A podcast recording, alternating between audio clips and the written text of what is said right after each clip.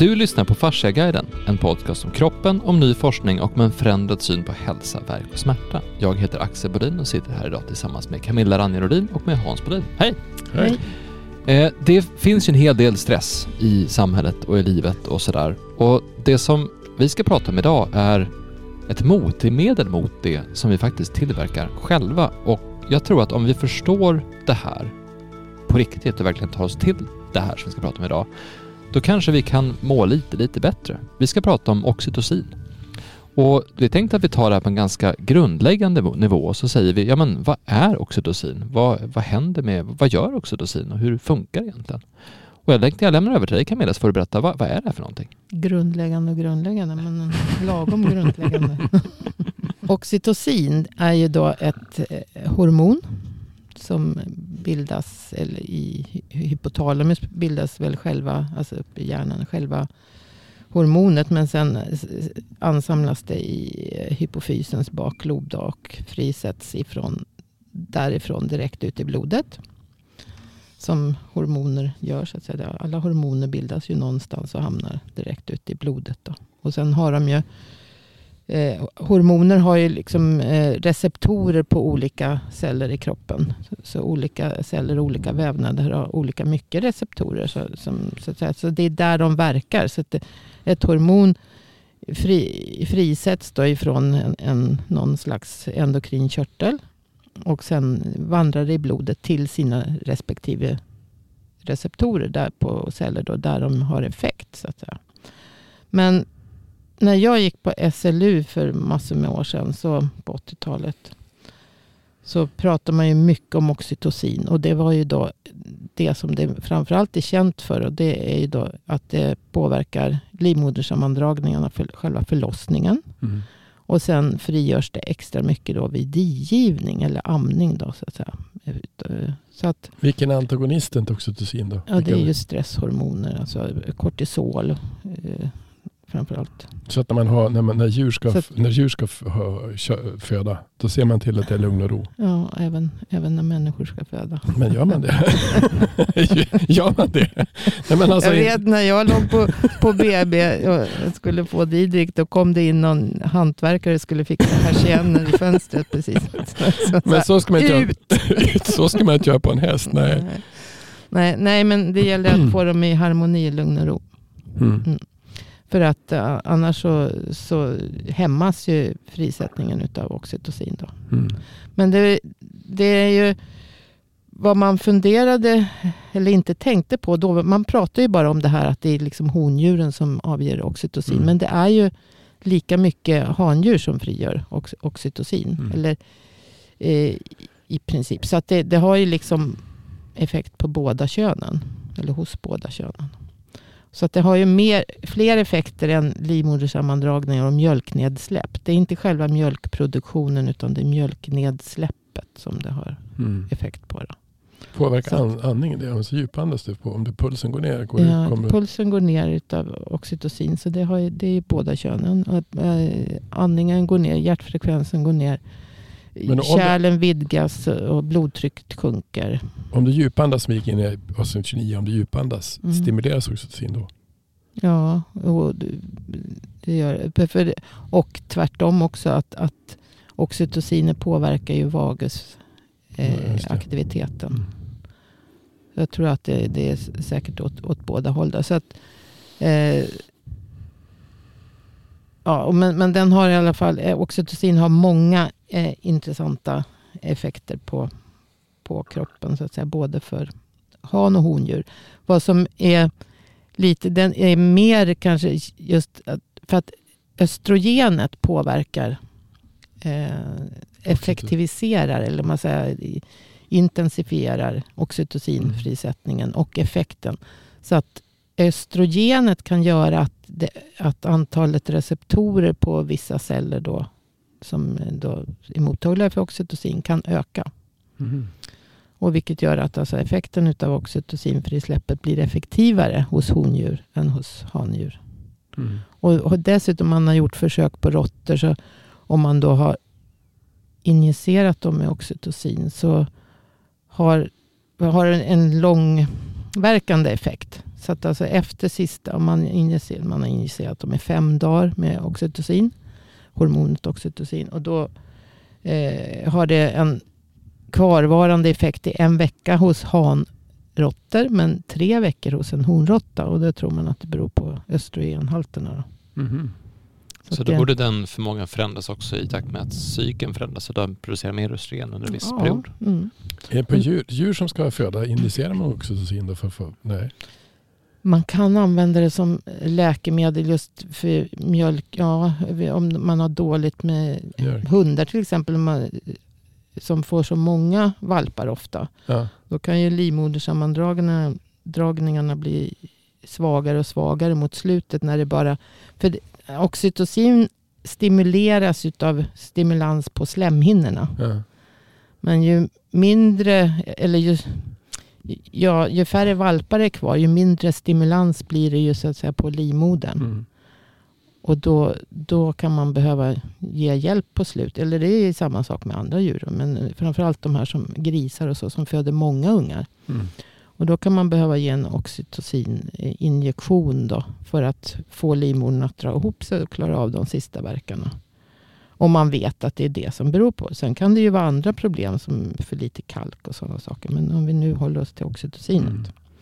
För att om det, om det inte är oxytocinbrist utan kalkbrist. Då hjälper det inte att injicera oxytocin. Mhm. Kalk måste ju musklerna ha för att kunna dra ihop sig. Mm. Eh, och eh, samma sak med mjölknedsläpp. Och det gör man väl med på människor också. Jag på kvinnor också som har svårt att, att amma. Att man ger oxytocin. Och det gör man ju på kor och hästar och, och grisar och så, hundar. Så ger oxytocin för att få mjölk eh, nedsläppet att, att komma igång. Om det är så att det är trögt så att säga. Men det där är lite, just det här med, med jag har ju fött upp hundar någon gång långt tillbaka. Eh, och har hållit på med gris, jobbat i grisstall också. Men de har ju många ungar. Mm. Och ju svagare, verkarna blir svagare så att säga mot slutet. Det blir jobbigare, djuret är mer utmattat och det blir mindre stimulans. Men Mm. samtidigt, för varje unge som föds så kommer den att lägga sig och dia. Mm. Och digivningen i sig ger som så en kaskad. Utav, alltså den ökar. För Oxytocin har en effekt att det kan stimulera sig själv. Mm. Så att utav att, att det liksom digivning eller amning så blir det liksom en ännu större kaskad utav oxytocinfrisläpp. Och sen så smittar det väl? Och så att säga. Ja, så att ja. om, jag har mycket, om jag släpper ut mycket oxytocin nu så kommer ni att stimuleras av det Mm. också Mm. som sitter i samma rum. S- Smitta kanske inte var rätt Ja, men- nej, men, Men, nej men alltså det sprids via luften. Ja. Och, och det sprids, eh, alltså det stimuleras också via eh, alltså luften via feromoner. Mm. Så att om, om alltså doftämnen som man avger. Och det är också sånt där som stimulerar oxytocin. Alltså om man, saker som man minns. Mm. Så det är också djurparallellen då. Om man kommer i en, eh, håller på och mjölkar i en lagård. Så kommer du ner och så hör korna att du kommer ner i stallet, alltså i, i kolagorn och du börjar slamra med mjölkapparaturen så att säga. Då direkt så får de den där och så bara börjar de läcka mjölk. Mm. Eller en, en, eh, ett sto som alltså, fölungen gnäggar eller, eller så, så kan de också bara komma igång och släppa ner. Så ljud och ljus och, och Ja, bara en sån sak som att du, och, och så att du, ska, du, ska, du poppar popcorn hemma. Ja. Då vet du att nu väntar en mysig stund i soffan. Eller jag köper popcorn och väntar en mysig stund i biostolen. Alltså det är en Mm. sån sak som Ja, också ja, triggar precis. igång en viss grej. Ja, Alltså ja. förväntan på det och så frisläpps här saker. Så det är ju det är intressant igen det här med att se hur stark kopplingen är mellan sinnen, intryck, tankar, känslor och den fysiska reaktionen på kroppen. Mm. Hur det faktiskt sitter ihop. För det är Mm. ett till sånt exempel på det.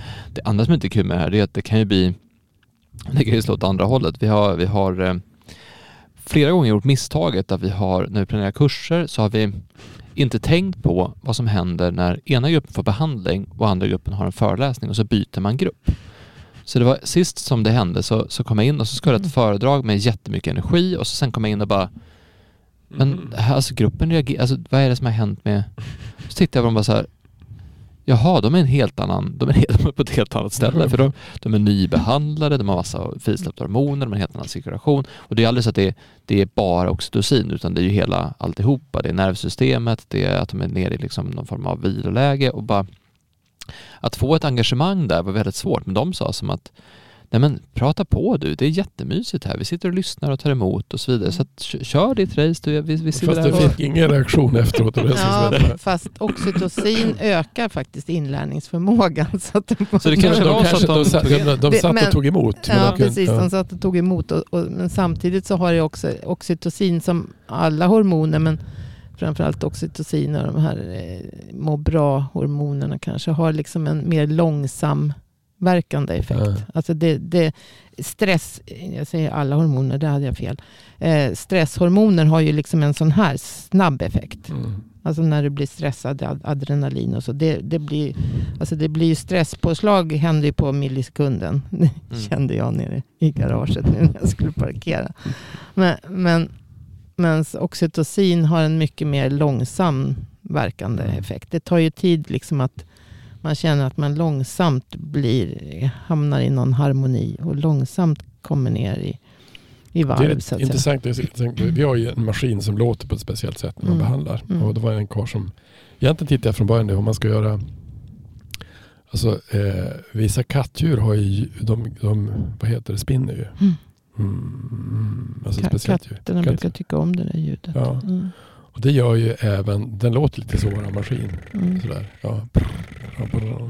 Och, sen, och då var det en kille som jag behandlade och sen så jag träffade honom jättelänge så kom han på kö. Och så så det är ju skithäftigt. Så det låter som en medit meditationsljud. Om. Alltså som man mediterar. Så, så, jag bara, oh. så när, efter behandla Då ska han kliva upp. Det går inte sa han.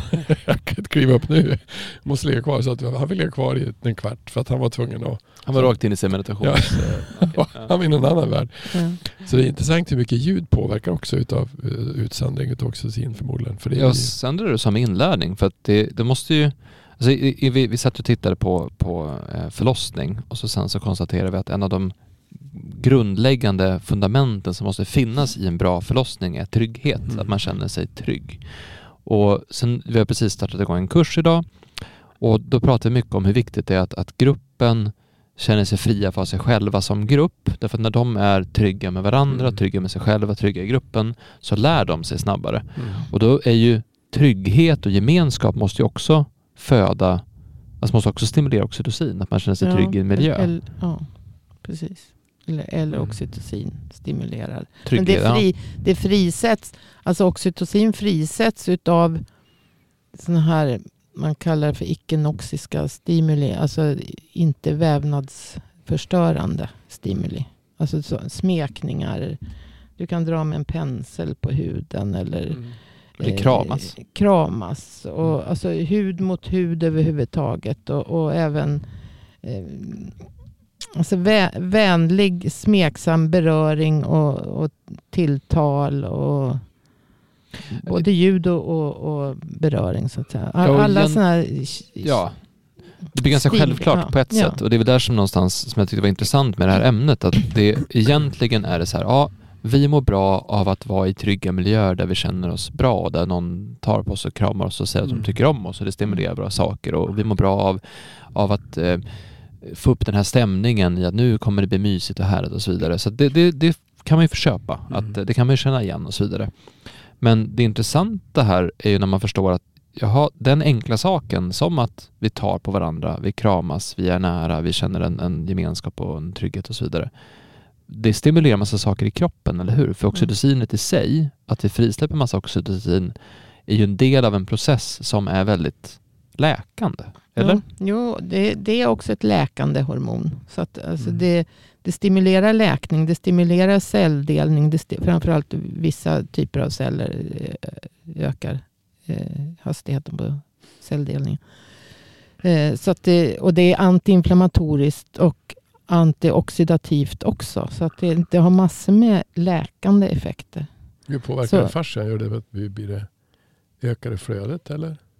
Ja, det gör det ju eftersom det, det ökar. Det, Minska eh, tryck. Ja, det, det stimulerar ju till kärlvidgning så att Mm. eh, flödet, alltså blodcirkulationen ökar.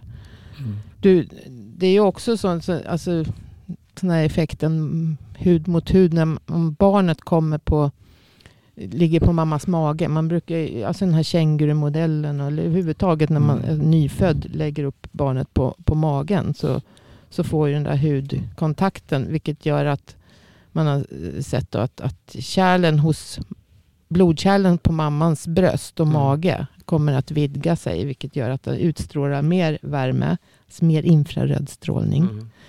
Mm. Eh, och då får barnet en ökad oxytocin stimulans också. Mm. Och det i sin tur det. stimulerar då Easy Water för infraröd Ja, värme. ja, precis. och Easy Water för er som inte minns det, vattnets fjärde fas, det är att vattnet kan strukturera sig på ett sådant sätt i kroppen så att flödet mår mycket, mycket bättre. Mm. Vilket både renar, det gör att minnen fungerar bättre, signaler går bättre. Det är en, det är en process som gör att, att kroppen fungerar mycket, Kroppen mycket läker. bättre och läker det, snabbare. det hänger ju ihop. Alltså Mm. det, det hörs ju. Mm. Ja. Men, men det...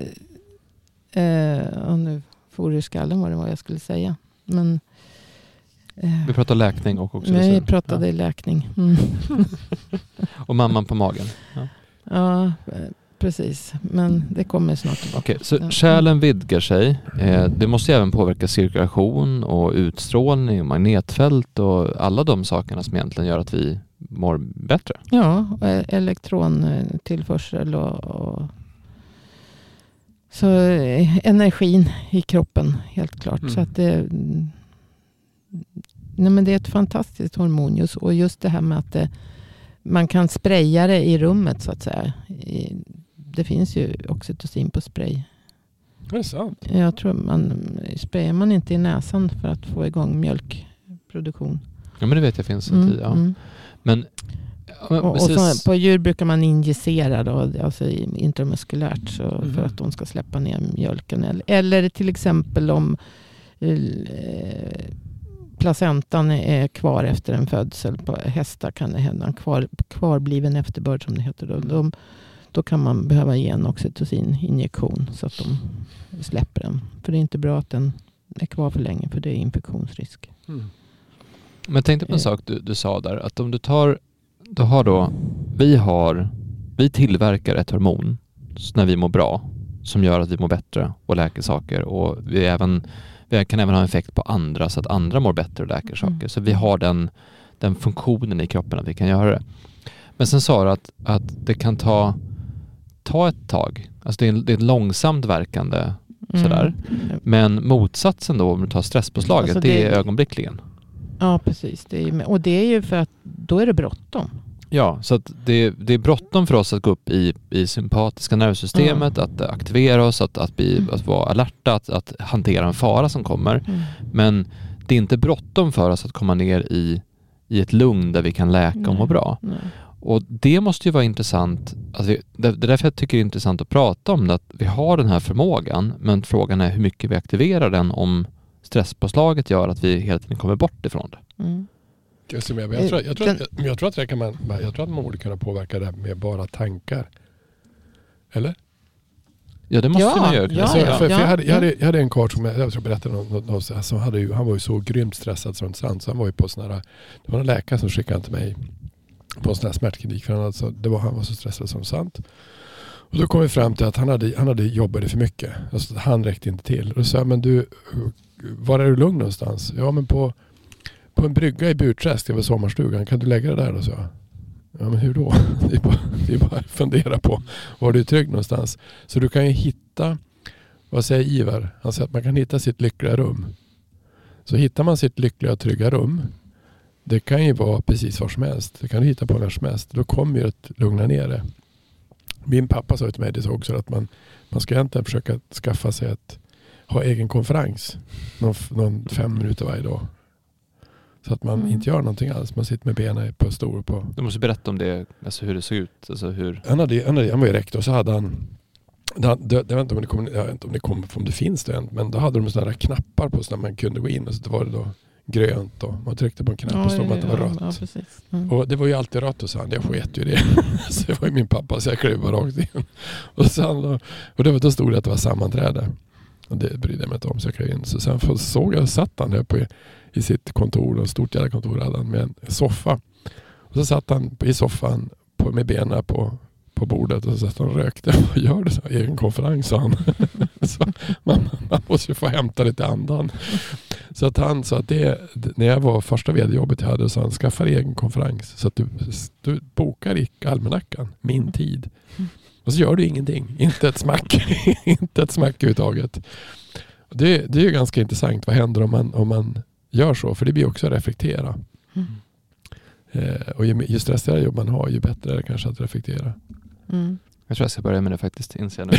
Jag har hört det här förut, men jag inser att det här måste jag börja med. Du, du, har, inte, du har inte gjort det i almanackan. Nej, men det var ju någon som sa att egentligen, du ska aldrig ha mer än vem var det då? Det var när vi kollade på hur man ska styra om. Vi hade ett, ett, ett koncept vi kollade på hur man gör, var effektiv. Och då gjorde vi först personlig effektivitet. Då ska man försöka att ha så mycket luft i kalendern som möjligt. Och så sen så kollar vi på hur mycket då, som du ska jobba då med. Det var en kille som kom på att det är bättre att jobba med ledningsgrupper. Man gör samma sak fast gör med ledningsgrupper. De sitter ju ihop. Och då tittar man på, och då, det värsta är att ju högre upp i hierarkin du kommer ofta så jobbar de mer. Så att de som sitter väldigt högt upp i hierarkin, de jobbar kanske 60 timmar i veckan. Det svåra då, då är allting bokat.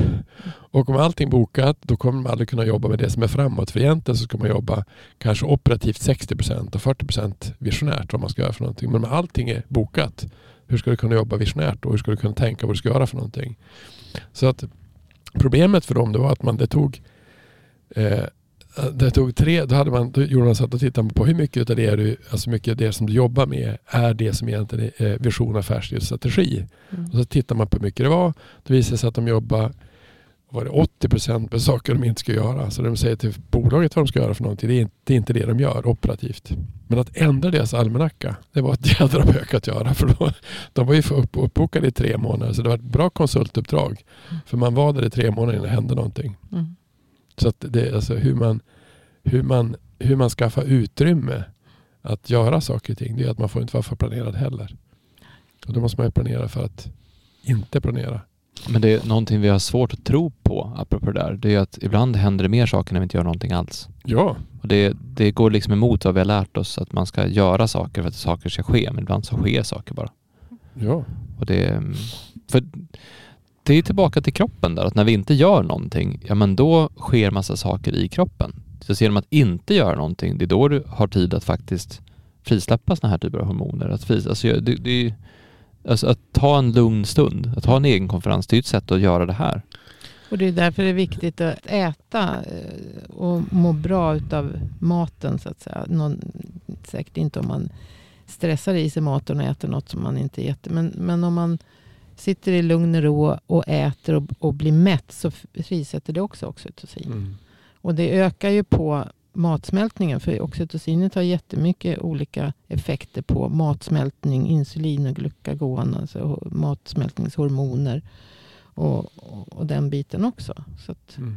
Det är matsmältning och, och läkning och, och eh, inlärning och inlagring av energi.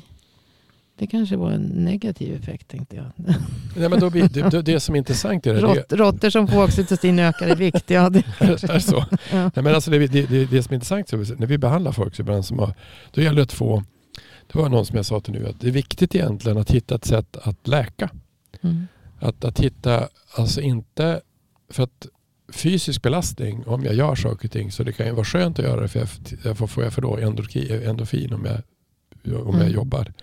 Men om jag ska ändra någonting, läka någonting, då behöver jag också lugn och ro. Mm. Och det svåra är inte att förklara för de som kommer att du måste hitta ett sätt att få lugn och ro.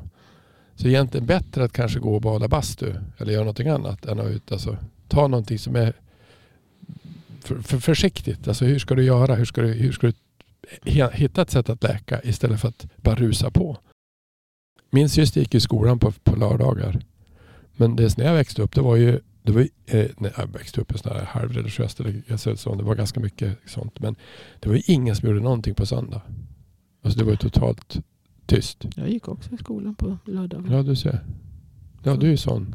Du som ser Till och med årskurs fyra eller någonting sånt. Hur var det? Man gjorde inte så mycket på lördagar va? Roliga timmen. Ja, exakt, visst var det så. För hon kom, jag tror hon kom hem ett eller något sånt där. Hon var inte borta ja, så länge. det var halvdag. Det var halvdag alltså. Ja, pappa jobbade också halvdag på lördagen. Det är också konstigt, eller hur? Mm. Men man var ju ledig mycket på söndagen då istället. Mm. Det var ju, och nu är man alltså kanske aldrig ledig. Ja.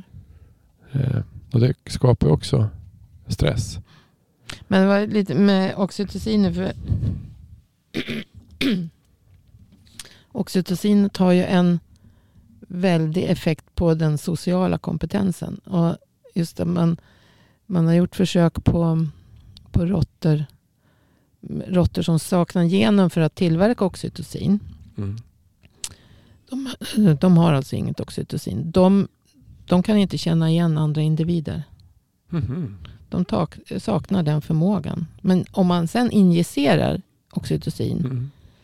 I dem. Jag tror att, jag vet inte om de, hur de, det har med amygdala att göra också. De injicerar i amygdala tror jag. Mm. Då, då börjar de känna igen. Mm. Så då får, då får de tillbaka den förmågan. Så det är också lite just, just den där interaktionen med folk. så att säga. Och det har man ju, vet man ju också att, att barn och, och mammans ögonkontakt, ja, säkert med pappa också, Mm. men framförallt första tiden då, frisätter ju också oxytocin. Mm. Så det, det är inte bara att, att ta på, utan det är den här närheten och sociala biten överhuvudtaget. Alltså man, blir, man får en högre smärttröskel man, utav oxytocin. Mm. Och man, man blir lugnare och mer vänligt inställd. Alltså man, man blir inte så fientligt inställd till, Mm. till folk heller. Så, Alltså det är fascinerande hur, hur vi verkligen är gjorda för att vara med varandra och Ja. nära varandra och att vara fysiska och ta på varandra och kramas och skaka i hand och klappa. Alltså, vi, är verkligen, vi är verkligen designade för det. mm. Eh, för jag minns vi pratade i, i avsnitt 47 om, om beröring Mm. eh, och jag tog upp det på en kurs jag hörde häromdagen. Eh, just hur det kan vara intressant att göra folk uppmärksamma på hur viktigt det faktiskt är att vi tar på varandra. För att jag ser ju jag ser en tendens i samhället att vi tar mindre på varandra nu än vi gjorde för 10-15 år sedan. Alltså på ett sätt. Vi, vi, har mer, vi är mer isolerade, eller vi har mer avstånd mellan varandra, eller vi sitter mer hemma, eller vi sitter mer framför datorer, eller vi sitter mer framför i mobiler, eller vi, när vi åker tåg så tittar vi rakt ner i telefonen istället för att se varandra. Så det, och jag, mycket av det här gör jag kanske själv också, men, men hur, hur mycket... För någonstans, jag, jag har märkt nu, vi har flyttat till ett nytt ställe. Och det intressanta med att när vi flyttade dit var att alla som flyttade till samma ställe, de hade någonstans samma ambition, eller inte alla, men, men hälften av dem, att nu ska vi ha ett grannskap som är levande. Mm. Vi ska heja på varandra. Mm. Eh, våra barn ska kunna leka på gatan tillsammans. Vi ska liksom... man säger inte mycket. Det är liksom hej, Mm. hur går det med det där? Bla, bla. Alltså, det är väldigt så här så. Men det är väldigt trevligt Mm. och det skapar en, en gemenskap. Och alltså gemenskap i sig, ja, jag får alltid en sån här mysighetskänsla i kroppen av just att känna samhörighet eller gemenskap. Även om det är så här, vi bor på samma gata. Det kanske inte liksom är världens... Det är inte, inte ens säkert att vi delar liksom sätt att se på saker eller, eller någonting. Men vi bor på samma gata och vi har barn i typ ungefär likadan ålder. Så nu har vi en gemenskap. Och det, det, det är någonting med den här gemenskapen som är, som är härligt. Det behöver inte vara liksom att vi måste göra allt tillsammans eller sådär, utan bara att vi, att vi känner en samhörighet. Och samhörigheten i sig måste väl också stimulera oxytocin, alltså den typen av, av känsla. Ja, ja. ja. Och, och det gäller väl, alltså, ja, vi behöver det, människor. Jag tror väl det som, är, det som man inte har tänkt på i det här, i det här fallet är att, alltså jag gjorde det när jag var på Ericsson så, så hade vi rätt att gå på, vi kunde gå på massage. Om det var en gång i månaden eller om det var en gång i veckan. Så i alla fall en gång i månaden. Så varje fredag klockan tre, då gick jag på massage. Mm. Och det var rätt häftigt att få en timma beröring. Och, Mm. och framförallt det man gjorde när man låg där så man, man blir rätt också, så- man blir rätt dimmig. Alltså man kan ju somna. Man blir lugn. Mm. Och Det kanske en Det har en sederande effekt också. Oxytocin. Ja, lite lugnande. Så att istället för, jag menar när man injicerar, eh, när man ska behandla djur som är stressade eller så, så ger man dem seder. Eller, Men jag tror att det där med att, att bli berörd och att få en, den typen av alltså längre konferens, alltså antingen gå på bastu eller man går på behandling. Det tror jag kanske är viktigare än vad man tror, speciellt i en aktiv ålder. Eller när man stressar runt så mycket som man gör. Eller när man lyssnar på nyheterna, om det är någon som har skjutit någon hit eller dit eller vad det är för någonting.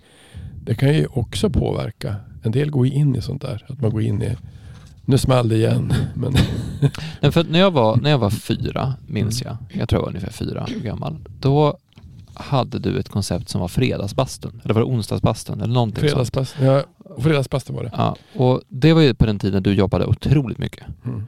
Eh, och det var ju dels en, en stund för oss att, att ha en, en mysig stund tillsammans, men jag minns också hur, hur, hur gemytligt och trevligt det var att sitta där i bastun med alla de här gubbarna, Gubbarna. och så var det sådär och så. Och, och den, eh, det blir också en känsla av, av community och grannskap, plus att det är bastun, plus att det är så. Och jag fascinerades av det där när jag var på Island, för eh, på Island har de här varma källorna, Mm. men inte bara där de har varma källor utan de har också badhus precis överallt. Och så pratade vi med någon som var därifrån och tydligen så går typ alla islänningar går och badar två gånger i veckan. Mm. Då går de på badhus i så varma källor och liksom sådär. Och jag testade, jag började bada med min dotter nu i, i veckan och hon badar ju ändå varje dag. Ja, för det är badkar nu. Ja, och, Ja. hon badar ju. Ja. Och så test, tänkte jag när vi skaffar badkar, jag tänkte så här, gud vad kul, nu ska vi bada tillsammans, Ja. det var mysigt. Och så gjorde jag det en gång och hon bara, vad gör du i mitt bad? Men sen så, nu så eh, har hon kommit upp i, hon är lite äldre och så sen så, Mm. så badar vi och hon tycker det är jättekul att bada med pappa. Pappa Ja, ja. badar så här. Ja, ja. Och så inser jag att, alltså dels är ju, hon badar ändå, jag kan lika gärna bada med henne, lite Ja. roligt sådär. Men sen inser jag vad, vad skönt det är. Alltså Ja, så här varmt vatten, jag kommer ut, jag är liksom avslappnad i kroppen, Mm. vi har haft en mysig stund tillsammans. Vi har som tagit vår tid. Mm. Och det måste ju, alltså jag märkte att jag mår mycket bättre i allmänhet bara av den lilla förändringen i min vardag. Mm. Att, ha, att ta ett bad tillsammans med min dotter och sådär. Mm.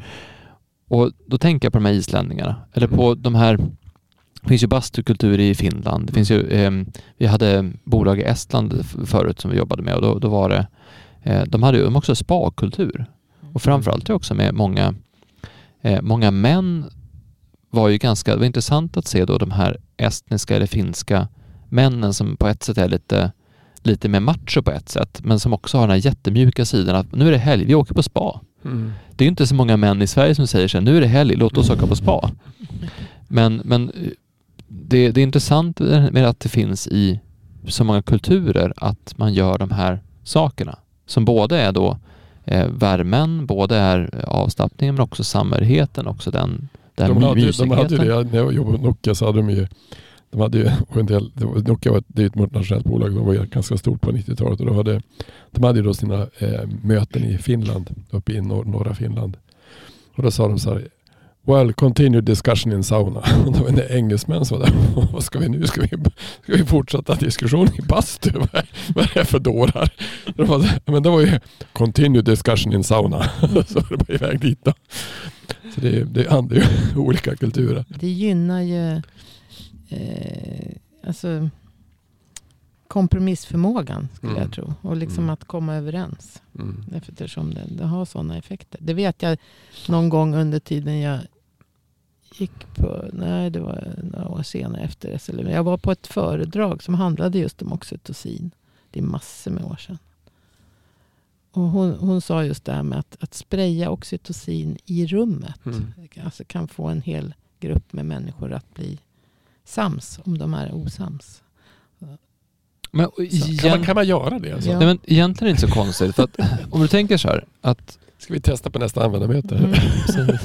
där har vi nog med oxytocin Ja ändå. precis, där brukar det vara tillräckligt. Nej, men för att om, om du och jag ehm, ehm, gör någonting tillsammans här ja, Mm. och så sen så och så dyker upp någonting där vi är oense. Mm. Då kan man välja att gå i konflikt för att man är oense Mm. och att, att vilja framhäva sin egen sida. Man kan också välja att försöka förstå den andras sida eller Mm. prata om det på ett annat sätt. Alltså hur vi, vilken väg vi väljer att gå, vilken ehm, ställning vi själv väljer att ta i, i en situation påverkar ju vad som sen händer. Mm. Och mm, ofta är det ju om jag, om jag går in i en situation och så sen så bestämmer mig för att nej men, alltså, så, så viktigt är det inte med, alltså jag behöver inte ha någon prestige i det här eller hit och dit. Så kommer man in i, ett sånt, i en sån sinnesstämning att man liksom inte man bryr sig men man bryr sig inte lika mycket, man har ingen prestige i det eller, eller det, det får bli bra som det är. Och det är ju lättare att ha en sån sinnesstämning om man är avslappnad och mår bra och är på ett bra ställe. Då är det så här, ja men, ja men det, ja, det, det blir väl bra, så här, vad tycker du? Ja, vad du säger så. Alltså man, det, är en annan,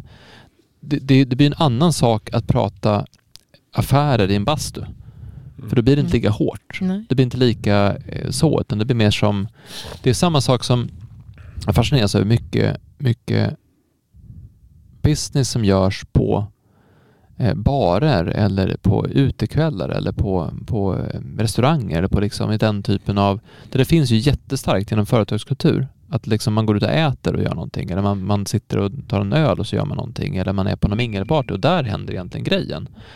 Och det är inte så konstigt egentligen att man kan ha de riktiga samtalen i en avväpnande miljö. Mm. För i den avväpnande miljön så mår du också bättre. Mm. Det är mer oxytocin i luften, det är mycket mer avslappnat och, och trevligt och då är det lättare att, att faktiskt, som du sa, man, man har bättre inlärning.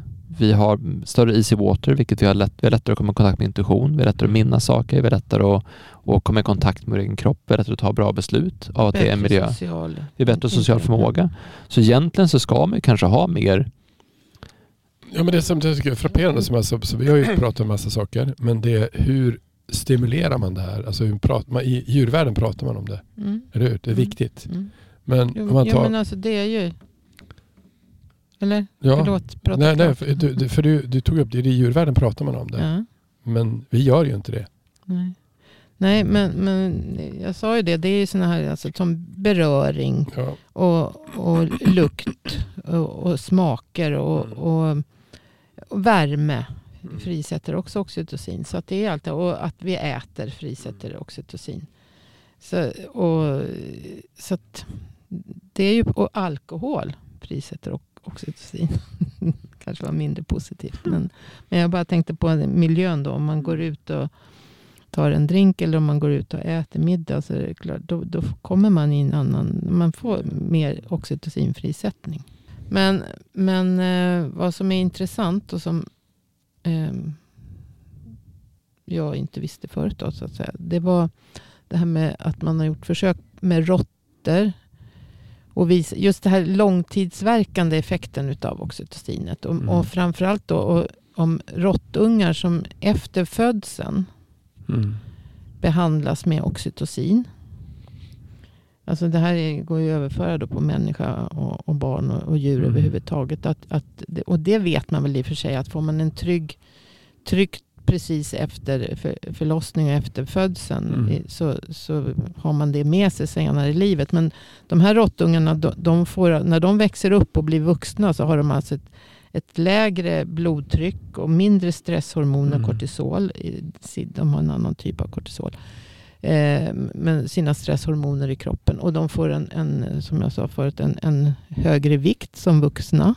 Mm. Vilket, men de växer bättre alltså. Mm. De, för, att oxytocin ökar tillväxten också. Så att det är ju liksom ett, ett tillväxtfrämjande och läkande hormon som liksom ska öka kroppens läkförmåga. Istället för att lägga energi på aktivitet och, och värmeproduktion och så, så mm. stress så, så, ja, så bygger vi upp kroppen med oxytocin. Och sen så hade man också sett att, att sådana här råttungar som får oxytocinbehandling då, eh, när de blir vuxna och i sin tur får barn eller ungar så har de, eh, får de större placenter, alltså moderkakor och större foster. Mm.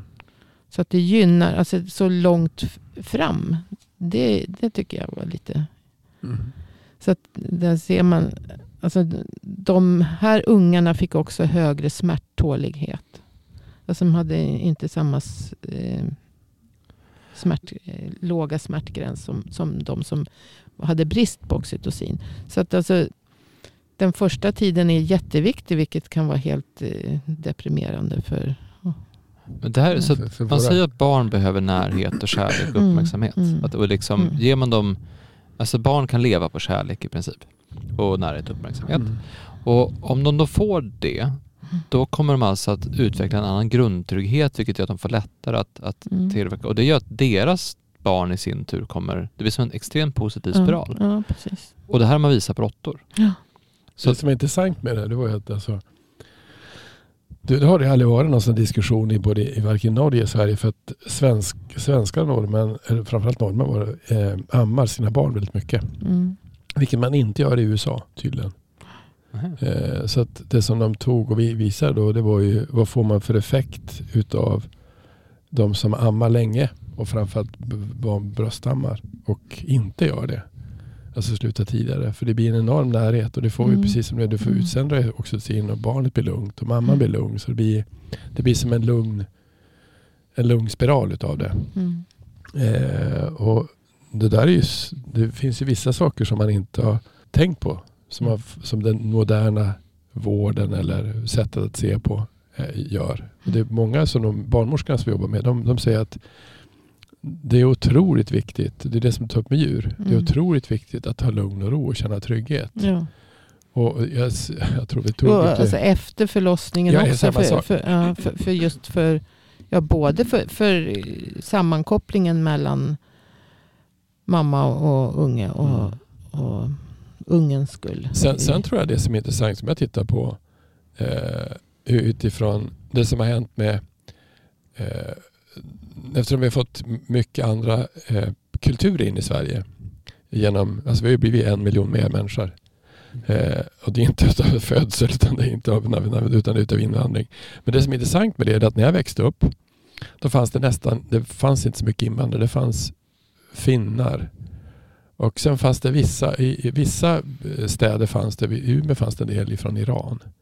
Men annars var det inte så vanligt med invandrare överhuvudtaget. Eh, men det som hände igen, jag hade en, en tysk religionslärare, eh, samhällskunskapslärare, han var ju han, han, han var, bodde uppe i Umeå, då hälsar man inte på folk. Alltså man springer runt, alltså i, ju arktisk stad så man kan gå runt i sina skoteroveraller och, och så vinkar man på folk. Och i Tyskland, där, där, där kramas man.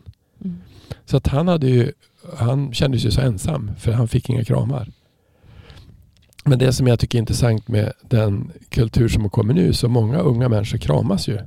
Alltså inte krama med mina kompisar när jag var i, i tonåren. finns ju inte en chans att man håller på med något sånt.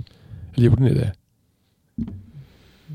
Men det tycker jag kom in, alltså med kulturen så det kom in mycket mer ut att man... Alltså, Framförallt män också. Mä- Män kramas. Så du kan ju se Alltså, du kan ju se vuxna män kramas. Alltså, träffa, Ja, för vi, vi började kramas när vi var 12-13. ja. Och då, då, då var det liksom att all, alla kramades. Men det, det gjorde inte vi kan jag säga. Ja, jag kan, det, kan, det har du rätt i. Det kom från eh, mina Ja. kompisar från Balkan och. Mellanöstern och, och så. Att För de gör så. Ja. Så det är ganska häftigt att man har fått den kulturen in. Och, och man mår ju, det, det är ganska häftigt med, med att, att, att få en kram. För det gjorde att alla kramades. Ja. Så det var alltid så att när, när vi sågs, när vi sågs så då var det grabbgäng när vi Ja. sågs. Vi kramades. Det spelar ingen roll om det var, om det var någon med invandrarbakgrund med överhuvudtaget. Utan var vi bara... Nej, jag, var, jag var så. jättechockad när jag såg att ni gjorde det. Vad Ja. gör då för något? Ja. Det är män, man kramas inte. Men det, det gör man. Mm. Så att det, det finns ju också saker som, och det är säkert jättebra att göra sånt, att bli berörd. Eh, och jag tror de har, de har gjort mycket studier på det, det, det mest otäcka man kan göra är egentligen att distansera folk, att inte bli berörd, att inte ta i varandra. Mm. Eh, och det har ingen positiv effekt alls. Mm. Det finns ju mycket psykologiska studier som helst på det. Mm. Och, och får du inte igång, blir du inte berörd och distanserar dig själv, eller distanserar varann, då får du ju den effekt. Då får ju, det, det blir ju ingen oxytocinpåverkan. Det, det, är ju, Nej. det är ju jättefarligt egentligen. Du, får ju, eh, du tappar ju social kompetens. Ja. Du, alltså det, det, Ja, det blir en de här- omprogrammering av hela, hela ens beteende också. Ja. Alltså det kan ju leda till, för det finns ju också den här, nu ska jag absolut inte gå in på den, mycket bara nämna den här eh, incel eh, eh, historien som var så aktuell för framförallt ett år sedan med de här, de här männen som är så isolerade att de börjar vända ett beteende åt ett konstigt håll. Ehm, och det är just att det här är personer som är helt, helt avskärmade från samhället så att man börjar nästan se det här som en, en grupp som kan vara ganska problematisk rent eh, politiskt eller aktivistiskt eller att det finns en ehm, ja, det, det finns ett starkt eh, ursinne i det här. Och det är inte, om du slutar helt och hållet att, att producera oxytocin för att du inte har någon närhet, ja då får du ju inte heller Du tappar den sociala kompetensen. Mm. Och ju mer du då sitter så, för du får inte samma... Du, får ett Du- aggress- du, får, du kan ju få ett aggressivare beteende. Du får ett beteende som är mera utåtstängande. Alltså så. så att det som egentligen man gjorde, som, som många länder gjorde, gjorde säkert i Sverige också, att man ska hålla avstånd. Det är ju så dumt så det finns inte. Det, det, finns, in, det finns ingen vetenskaplig grund i det. Det är inte bra för immunförsvaret och det är inte bra för folk. Så, så det är ju, det är ju, och där kan man se, det som är intressant nu det var att jag hade, alltså man, det är så få som reagerar. Men tänk när man hostade för ett, ett par år sedan. Eller något där. Då var det så på, vad gör du för någonting? Eller man nös. Eller något sånt där. Då var det folk skit, skit. Det, nu är det tillbaka igen. Nu kan man Ja, nu det. börjar, nu börjar, nu kan man folk, göra det. börjar folk kramas igen. Och det, det är inte samma, för det hängde kvar länge. Det gjorde det. Ja, Eller någon som är spelar golftävling så kommer de fram och så sen ska de ha ja. alltså, Mm. någon sån här armbåge. Mm. Då tar, då tar jag alltid handen. Står jag för, Wow. Nej, jag tar i handen så jag. Ja men jag vill inte. Bra stick. det, det är så dumt. Mm. Det, det, det har vi vant oss vid att göra länge. Det är hövligt. Mm. Det är ju artigt. Mm. Alltså det är inte artigt att ge stå på armbågen emot varandra. Det verkar jättekonstigt. Så jag tror mycket av det som är, det ser man ju med vi satt och tänkte, jag tänkte på när vi hade behandlat hästar förra veckan Camilla. Att det hästar är ganska intressant om de går ut i hagen. Alltså det är ju flockdjur. Mm. Och så släpper man ut alla hästar. Mm. De måste ju gå ganska bra utav det. För de står, ju, de står inte alla ihop. Nej. De står i grupper. Men Mm. ingen häst står nästan ensam. Utan man går alltid ihop. Några Mm. kluster som Mm. finns där. Mm. Och vad, hur, hur, om de står i- ensamma, det är inte heller så roligt för dem. Eller? Nej, alltså ibland kan de väl välja det. Om de, men Oftast vill de vara nej, i de är närheten. ju flockdjur. Ja. Mm. Och det är inte vi också. Ja, inte egentligen. Vi är i högsta grad flockdjur. Nej, och det som är intressant också är att jag tror att är du ensam så hamnar du ännu mer upp i huvudet Mm. och mindre i kroppen. Ja, ja. Därför att där- närvaro med andra människor är ju fysisk. Och det är också intressant också att se vissa som umgås som verkligen, alltså de umgås men de pratar knappt, de bara är i samma rum. Därför att närvaron är, är grejen. Men det är också en ganska intressant sak som hände med, med det som var nu, alltså, apropå här. Alltså när man har mer distansmöten, vilket man har. Mm. Men du får inte samma fysiska kontakt. Eller hur? Det går ju, men det blir inte samma sak. Det är som vi, vi satt och tittade på, om vi gör podd, poddavsnitt så sitter vi oftast med varann. Och man ser, man, man, ser man, man känner vad som händer, om det, om det funkar eller inte. För det är ett samtal och samtalet ska ju funka. Det går ju att göra på distans också, men det är inte lika enkelt. Nej. Det är annorlunda. Och det, det tycker jag man ser på när jag ser på ja, men alltså, någon sån här humorprogram med någon som sitter och intervjuar någon på distans i Los Angeles och sitter några i studion. Det är mer in, intressant att se de som är i studion än de som har diskussioner, alltså videokonferens. Det är inte samma sak. Nej, det var ju, vi var ju på ett möte häromdagen så var det, då, då var vi, Ja, alla var i ett rum förutom en som Ja. var på distans. Och i, sen efter mötet kom jag på att vänta, han fick Han var- aldrig, han var inte ens med. Alltså han fick liksom aldrig en syl i världen. Han fick vara med på ett möte i en halv timme och sitta och lyssna. Och det, det som vi försökte göra det var att hitta saker i rummet som vi pratade om. Vad håller du på med? Alltså hitta en, ett, ett, så att man förstod varandra. Involvera alla och så vidare. Men, men man Men glömde satt, bort honom. han satt ju där och tittade i en stor skärm. Och, det var jätteintressant. Nej, och vi har ju mycket digitala möten och jag, ju- det, är, det som är nackdelen med det är att du, du får inte samma... Du tappar en nivå av förståelse Mm. av att inte vara där fysiskt. Sen, sen går det bra ändå och det är, ju- det är ibland bättre än att inte ha det alls. Och det, är- det, menar, det är svårt, men vi har, en, en konsult som sitter i Phoenix i USA. Det är svårt att ha fysiska möten med honom regelbundet för att han sitter ju där liksom. Det är tur vi inte har det så jävla lång tid. Ja, det är väldigt lång är tid. nio timmar. Ja, nej, Flyg. Ja, precis. Nej, det är, och tidszon och hit och dit. Mm. Eh, Men, men, men det är ju, man märker ju ibland att det inte alltid är lika lätt att nå fram och förstå saker för att man inte tar på varandra. Mm. Alltså så. Eller inte bara tar, man är i samma rum.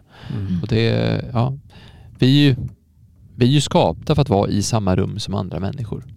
Mm. Så är det bara.